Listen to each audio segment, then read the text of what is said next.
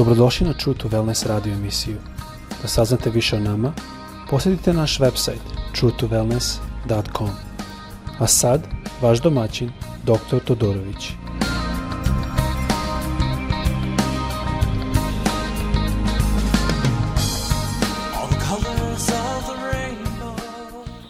Ljubazni, dobrodošli na naš podcast. Nadam se da uživate i da imate blagoslov u svom životu. Kao što znate, e, radimo ovaj podcast iz Florida, ovo je sada epizoda 5, da radimo na blagodati.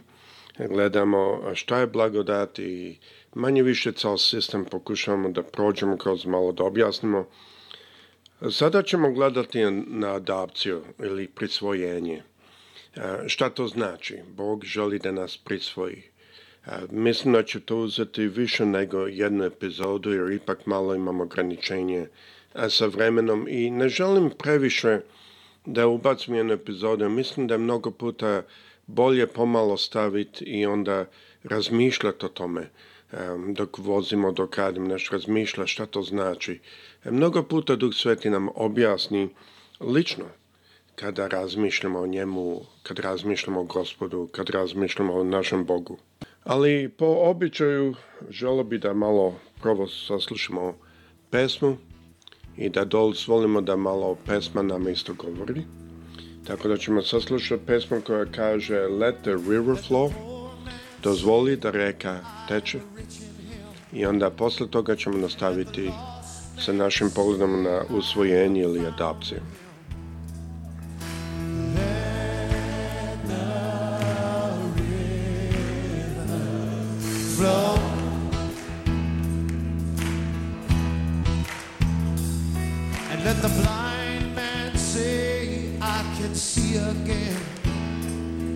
Let the dead man say, I am born again.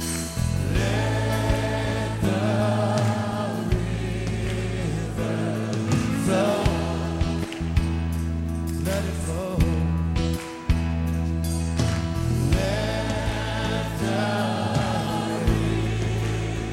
Let the river. river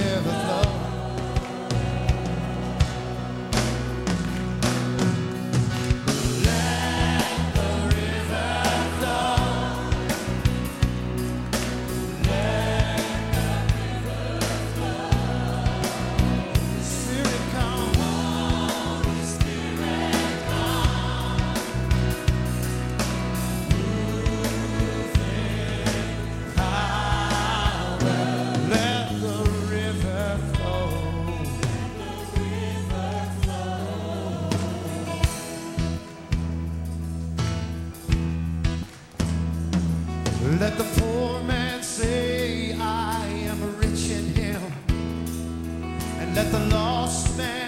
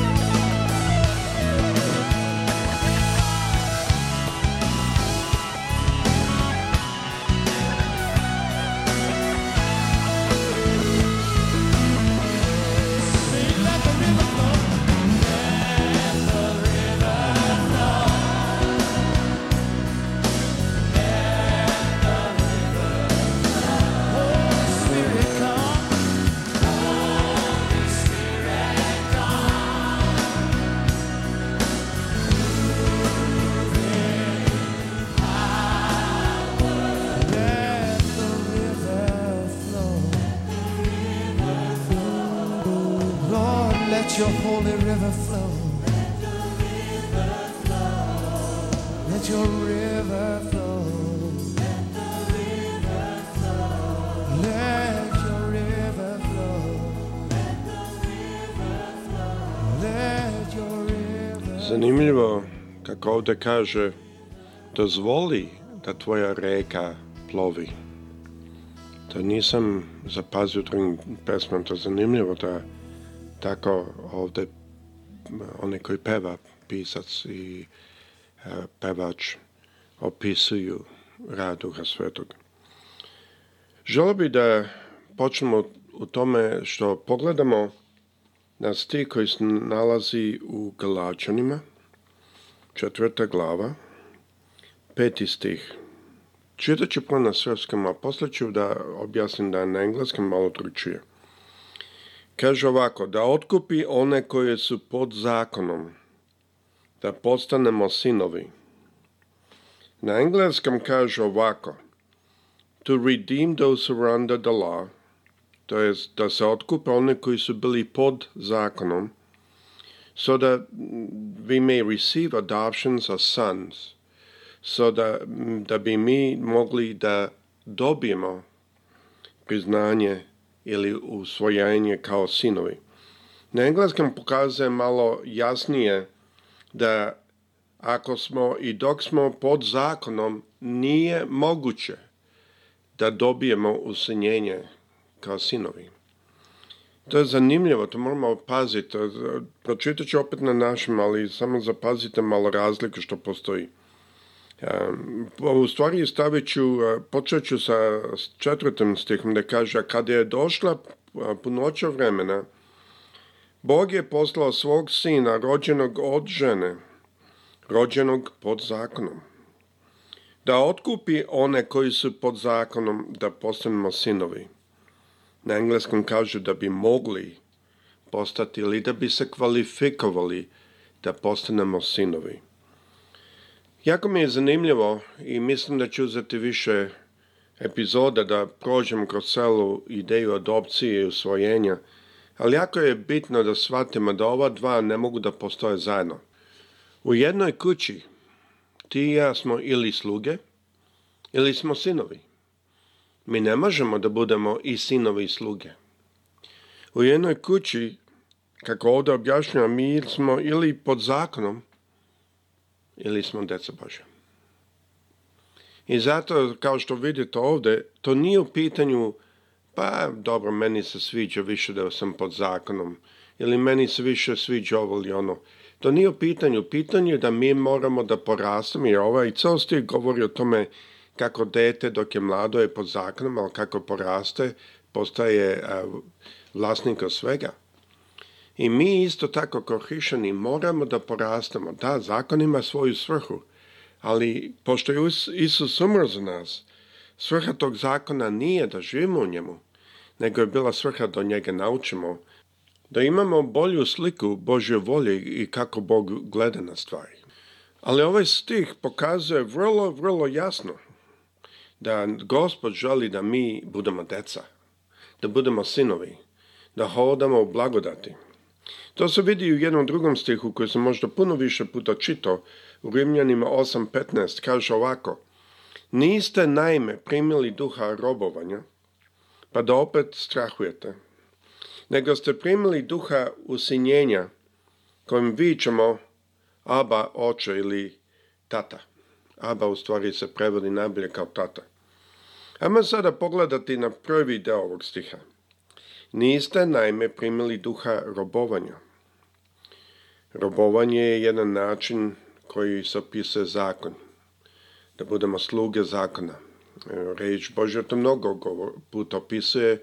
Mnogo puta nas uči da one koji pod zakonom je sluga u kući, a onaj koji je sin je vlasnik svega. Znači, svaćamo da se robstvo osniva ili osn, ovdje e, reflektira na zakon. A šta kaže reč Mađarom? plako da pročitamo i da zapazimo. Niste najme primili duha robovanja, o tome smo govorili, što kaže naravno, pa da opet strahujete. To znači da ovaj zakon se isto osniva ili zasniva na strahu. I to je istina. Ako razmišljate, a vi koji vozite, vi znate da efekat zakona, da kažemo zakon o ograničenju brzine, je najviše vezan u tome da iza naredne bandere stoji policajac sa radarom i da će vas zaustaviti i da će vas to koštati. Strah je efektivno dao zakona. Zakon, kao što znate i što smo spomenuli ranije, nema e, e, da se meri jedno protiv drugog kako e, vas zaustavi policajac zato što su vozili brzo, vi možete reći, pa znate šta, ja sam danas dao puno novca crkvi, pa ajde malo pogledaj kroz prste. To neće raditi. Zakon ima e, napisano ili zapisana posljedica za svaku akciju. Ako ste vi nešto dobro radili negdje drugo, to nema utjecaja na zakon ovdje. Tako je isto sa gospodom nema veze da vi na drugom mjestu radite nešto jako puno dobro. Ako ste vi prekršili zakon, vi ste prekršnik zakona. Tako je reč Bože pokazuje. I zato je Gospod žalo i želi od nas da postanemo sinovi, da nismo pod zakonom, da možemo pratiti naša srca. I u efektu to je jedini način na koji njegove zapovesti mogu zapisane biti na našim srcima. To je u efektu što gospod želi da učini. Znači ovo sve ima svoj smisao i razlog što je gospod to dono. Ovo je razlog zašto delima zakona nijedan čovjek neće biti opravdan. Zašto? To je opet e, isti efekat. Zato što ako ja uradim nešto dobro ovdje, ovdje i ovdje, to je lepo, ali ono što sam prekršio zakon, to neće da smanji kaznu. I zato moramo razumeti da Gospod želi da budemo van zakona.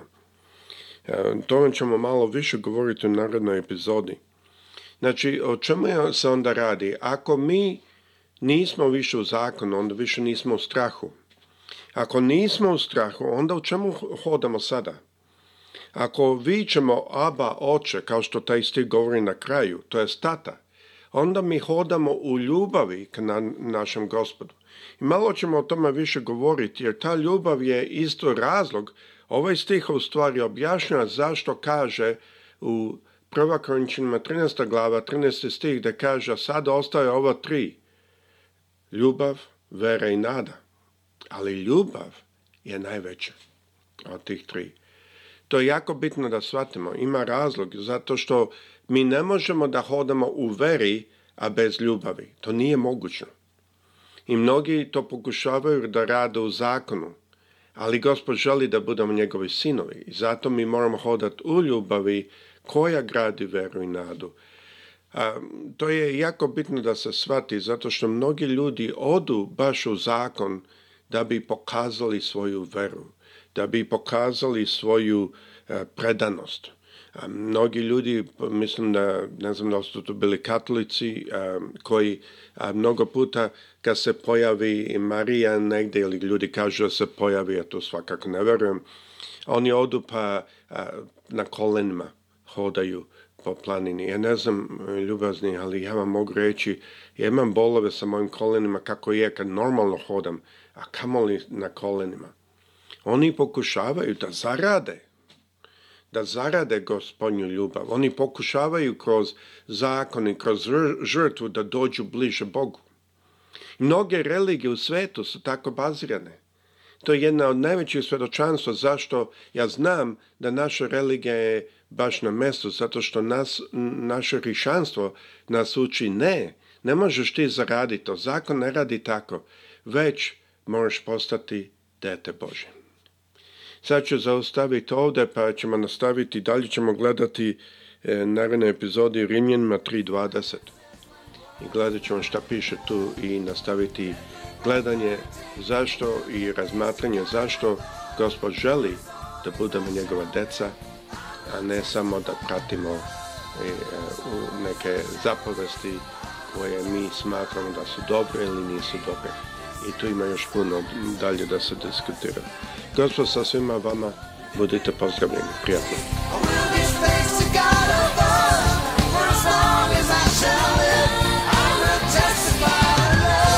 Slušate True Wellness radio emisiju. Pridružite nam se ponovno. Za kontakt molimo posjetite naš website truetowellness.com. Naša e-mail adresa je info at truetowellness.com.